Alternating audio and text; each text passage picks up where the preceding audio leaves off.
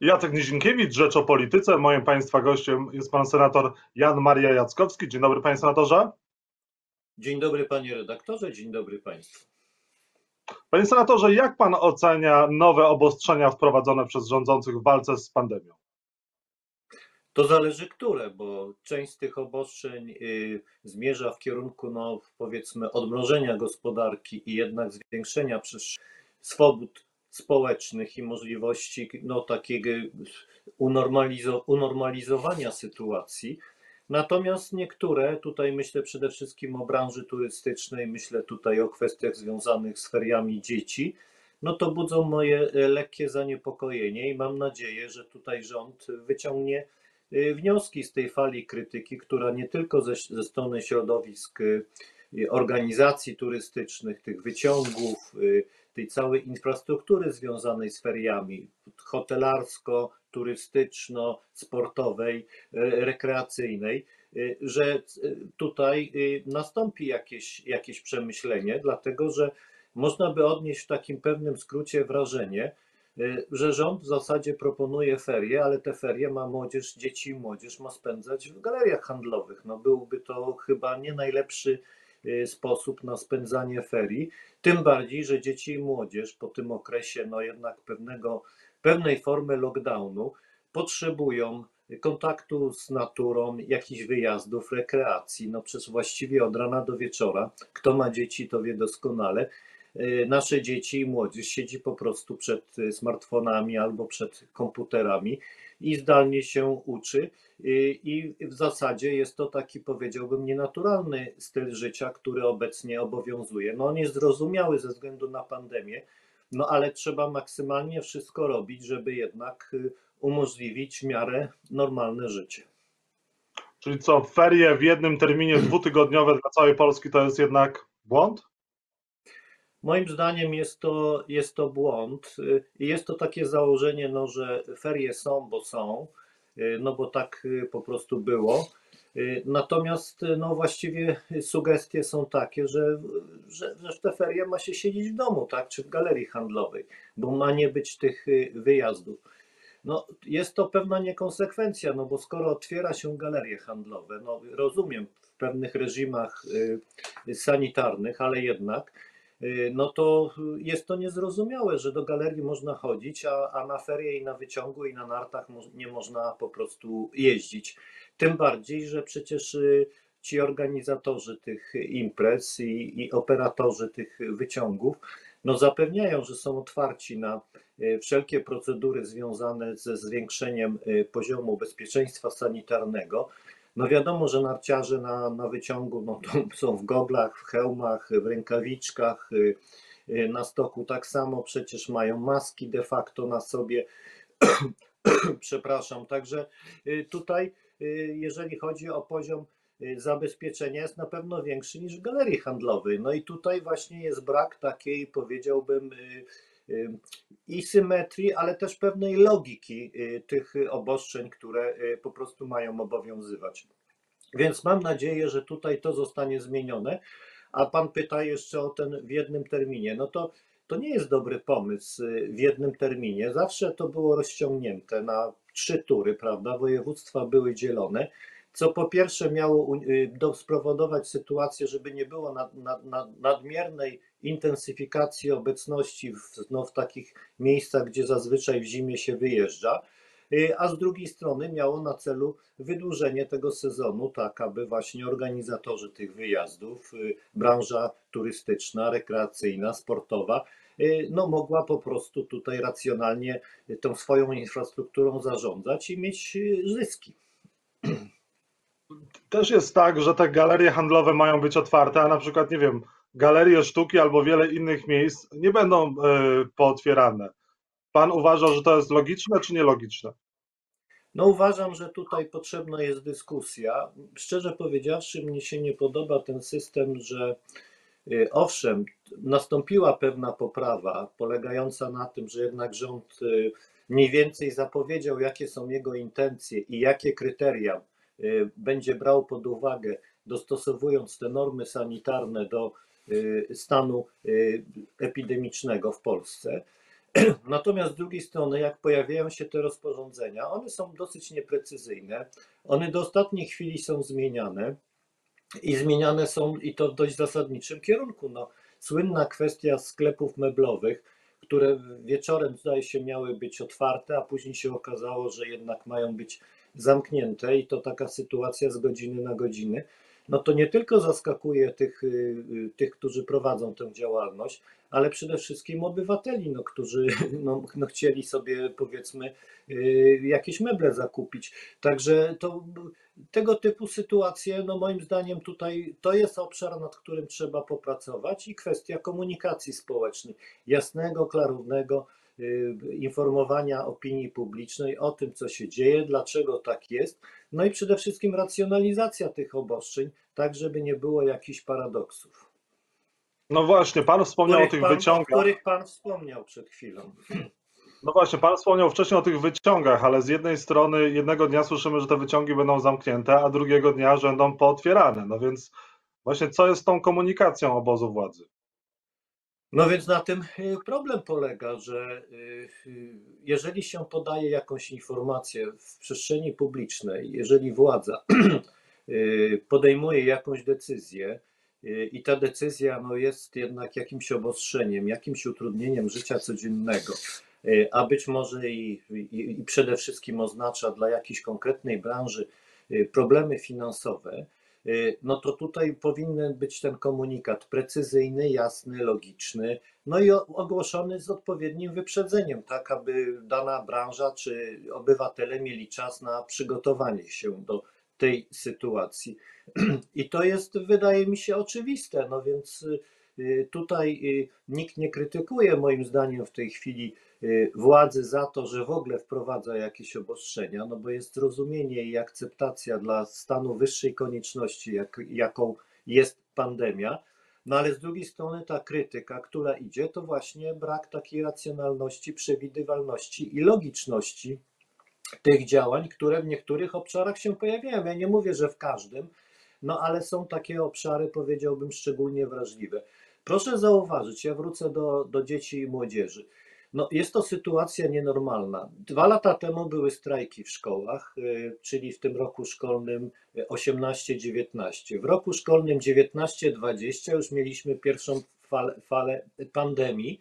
Y, teraz mamy drugą falę pandemii, czyli na przykład licealiści, którzy są w tej chwili w trzeciej klasie, mają trzeci rok, gdzie de facto nauki y, po prostu takiej efektywnej, to z tych trzech lat może jeden rok był. No, czy to jest dobrze dla procesu edukacyjnego? No, pytanie jest oczywiście retoryczne y, i to nie jest dobre też dla tej, dla tej młodzieży.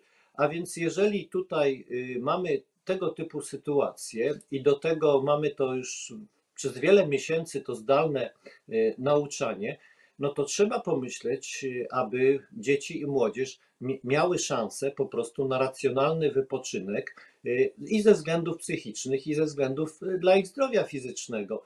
I z tego punktu widzenia tworzenie no właśnie takiej sytuacji, że są ferie i to jest ten przedłużony okres, bo de facto od świąt Bożego Narodzenia do 18 stycznia no to, to, to, to, to i dzieci, i młodzież, i rodzice nie mogą, nie mogą nigdzie wyjechać na, na jakichś określonych zasadach, no to to, jest, no to to jest sytuacja, powiedziałbym, trudna społecznie do zaakceptowania.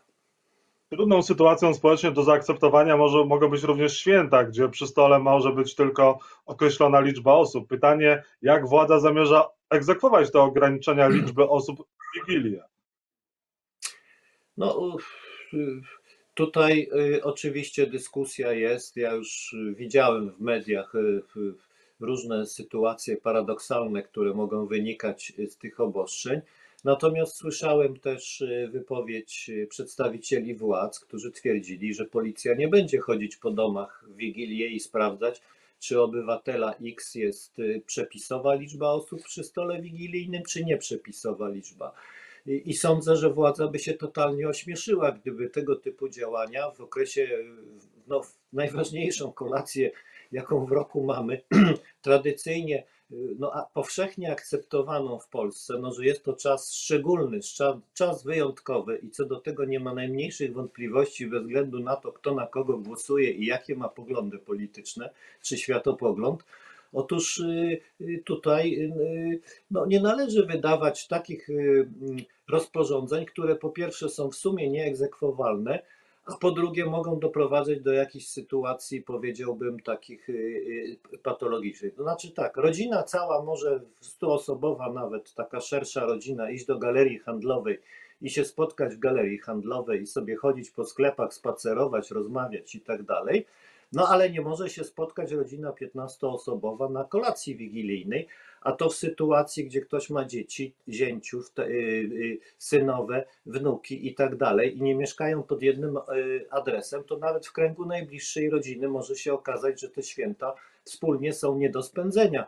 No, tutaj, tutaj ja bym się nad tym po prostu zastanawiał. Być może można byłoby to w innej formule ująć, no jednak sugerować ograniczenia tych kontaktów, no bo to jest logiczne, natomiast nie wprowadzać aż tak restrykcyjnych przepisów, które, jak wspomniałem, no są praktycznie nie do wyegzekwowania. Panie senatorze, pan wspomniał też o tym, że te poszczególne branże powinny być wcześniej informowane o restrykcjach, które je dotkną. No, widzieliśmy, jak, była, jak wyglądała sytuacja z branżą e, restauratorów, jak wyglądała sytuacja z branżą fitness. Co z tymi chociażby branżami, które zostały zamknięte, nie mają komunikatu, co dalej? Czy to tak powinno wyglądać, że z dnia na dzień one są zamykane? No nie powinno tak wyglądać, tym bardziej, panie redaktorze, że to wszystko odbywa się w cieniu, gdzie mamy po prostu ogólnospołeczny fitness. Myślę tutaj o tych protestach strajku kobiet, y, który no de facto jest takim ulicznym fitnessem, tak? Ludzie po prostu wychodzą. No trochę może ironizuję, ale, y, ale taka jest po prostu sytuacja. A branża fitness jest y, zamknięta, tak? Czy tak samo restauratorzy. Y, czy, czy, czy kawiarnie, czy, czy jakieś punkty gastronomiczne. To jest gigantyczny, gigantyczny problem, ponieważ y, moim zdaniem on by, gdyby nie było tak dużych obostrzeń właśnie w tym obszarze, o który Pan mnie pyta, to być może by się i te napięcia i frustracje społeczne, które już się pojawiają w związku z tymi obostrzeniami, byłyby rozładowane, bo jeżeli byłaby możliwość w odpowiednim reżimie pójścia z najbliższymi osobami nie wiem, na ciastko i kawę do kawiarni, y, czy, czy żeby zjeść gdzieś jakiś posiłek, y, no to mimo wszystko to by była jakaś, no, y, to by było bardzo pozytywnym elementem z punktu widzenia i społecznego, oczywiście też i gospodarczego, dlatego że ci restauratorzy po prostu zarabialiby pieniądze.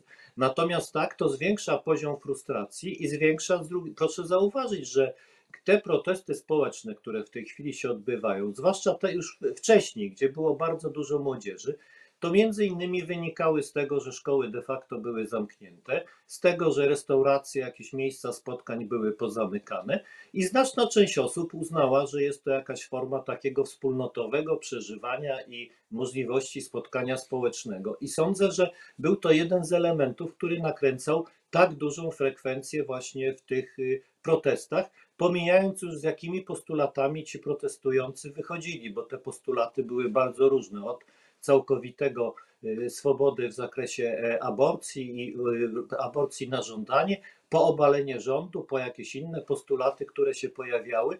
I nie sądzę, żeby wszyscy uczestnicy tych protestów y, pod jednym wspólnym katalogiem tych wszystkich postulatów się podpisali, bo tutaj różnice byłyby niewątpliwie widoczne. Także Tutaj trzeba pamiętać, że kij ma zawsze dwa końce, a więc przy tych wszystkich y, obostrzeniach społecznych, sanitarnych trzeba brać pod uwagę również ten czynnik społeczny, ten czynnik zdrowia y, ogólnego y, i też pewną racjonalność. I to jest moim zdaniem bardzo ważne, bo oczywiście fachowcy mogą zaprojektować, co by można było zrobić, uszczelnić system, w zasadzie wszyscy, wszystkich ograniczyć możliwość kontaktów między ludźmi, tylko czy społeczeństwo by to wszystko wytrzymało? I dwie kwestie na koniec. Czy policja powinna tak restrykcyjnie reagować na ulicach Warszawy? Została zatrzymana fotoreporterka, która wcześniej legitymowała się swoją legitymacją prasową, no ale rzecznik policji mówi, no błysnęła policjantowi fleszem w twarz, no jest fotoreporterką. Panie redaktorze, no tutaj będą spory. Dla mnie szczególnie bulwersujące jest to, co y, spotkało pana redaktora y, Gutrego. Y, przepraszam, jeżeli źle odmieniłem nazwisko. Myślę tutaj o moim starszym koledze fotoreporterze, bo ja kiedyś też byłem fotoreporterem tygodnika Solidarność w 1981 roku, który został potraktowany kulą gumową 11 listopada, a jest człowiekiem charakterystycznym, był z dużym aparatem i jak twierdzi, z bardzo bliskiej odległości oddano do niego kilka, podkreślam, kilka strzałów. No więc to niewątpliwie takie sytuacje mają prawo i, i słusznie bulwersować opinię publiczną i środowisko dziennikarskie. Co do dziennikarzy, no to uważam, że powinny być jasno określone reguły. Jak rozumiem, dziennikarze teraz są w jakiś sposób oznakowani, mają kamizelki odblaskowe z napisem press, mają kaski, gogle, no więc y, trudno y, w tłumie y, nie rozróżnić dziennikarza od jakiegoś manifestanta, a tym bardziej manifestanta, który no, narusza prawo i, i potrzebna jest interwencja w tym zakresie policji. Także ja tutaj sądzę, że tu, tu jest potrzebny element jakby trochę dwie strony, to znaczy z jednej strony jednak szkolenia dla dziennikarzy i, i, i jednak zalecanie przez redakcję, że jeżeli dziennikarze się udają żeby na maksa korzystać z tych środków bezpieczeństwa, więc z kasków, y, z odpowiedniej kamizelki, ale jak rozumiem, zdecydowana większość redakcji tak czyni i, i dziennikarzy, a z drugiej strony uprzedzenie policji, że przecież y, y, wśród manifestantów są oczywiście dziennikarze, którzy występują w imieniu opinii publicznej, informują opinię publiczną i są po prostu w pracy i nie, nie są aktywnymi manifestantami w sensie, że wyrażają swoje poglądy, tylko rejestrują i, i, informują opinię publiczną o tym, co się w danym miejscu dzieje. No i tutaj potrzebne jest to głębokie zrozumienie. Ale pytanie, czy działania policji są no, za ostre? Ja nie potrafię tego ocenić, bo nie brałem udziału w tych i nie byłem świadkiem. Tu słyszymy sprzeczne relacje. No, policja twierdzi, że są to adekwatne środki i że y, ci, którzy się protestują, no, naruszają przepisy prawa. I faktycznie tak jest, ponieważ są te obostrzenia, o których przed chwilą mówiliśmy w przestrzeni publicznej. Y, i tak. chociażby z tego tytułu te, te, te, te ograniczenia powinny być egzekwowane, a z drugiej strony no, mamy do czynienia z, z, z policją, która no, no nie jest do końca konsekwentna, bo ja wrócę do tych początków tych manifestacji, czyli sprzed prawie miesiąca. Otóż wtedy byliśmy jednak świadkami bulwersujących wydarzeń, gdzie fasady kościołów były, y, y, akty wandalizmu były, właśnie jakieś napisy, wtargnięcia na uroczystości religijne, jakieś profanacje y, i opinia publiczna no, przynajmniej do mnie takie sygnały dochodziły, no była zbulwersowana brakiem reakcji policji. Y, a w ostatniej fazie widzimy zupełnie taką zwiększoną aktywność policji, więc widać, że tutaj ta sytuacja po prostu y, ulega zmianie. Jakie są tego przyczyny? No ja nie pracuję w Komisji Spraw Wewnętrznych y, Senackiej, więc tutaj się nie chcę wypowiadać, nie, nie mam wiedzy takiej szczegółowej na ten temat, ale i jako obywatel, i jako parlamentarzysta, no sądzę, że te wszystkie kwestie sporne to należałoby po prostu wyjaśnić. A czy koordynator do spraw bezpieczeństwa Jarosław Kaczyński powinien również się wypowiedzieć na ten temat? No pan e, premier Kaczyński wypowiadał się na e, tematy bezpieczeństwa w ostatnim czasie. No, wywołały fale komentarzy wypowiedzi pana premiera. Natomiast e, rację ma pan minister Kamiński, że koordynator koordynatorem, ale bezpośrednio konstytucyjnie za kwestię nadzoru nad policją odpowiada minister spraw wewnętrznych i administracji i jest im Mariusz Kamiński. I jak wiemy, w Sejmie na ten temat jasno się y, po prostu wypowiedział. I jeżeli opinia publiczna ma jakieś uwagi do pracy policji, no to w pierwszym rzędzie pan partnerem czy osobą, do, do, do której kieruje się te pretensje, to jest minister spraw wewnętrznych a czy koordynator y, tych trzech resortów, szef Komitetu Bezpieczeństwa, y, który y, nadzoruje te resorty, w tej sprawie będzie się wypowiadał, to już jest sprawa wtórna. Jan Maria Jackowski, senator Prawa i Sprawiedliwości, był Państwa i moim gościem. Bardzo dziękuję za rozmowę. Dziękuję, miłego dnia życzę.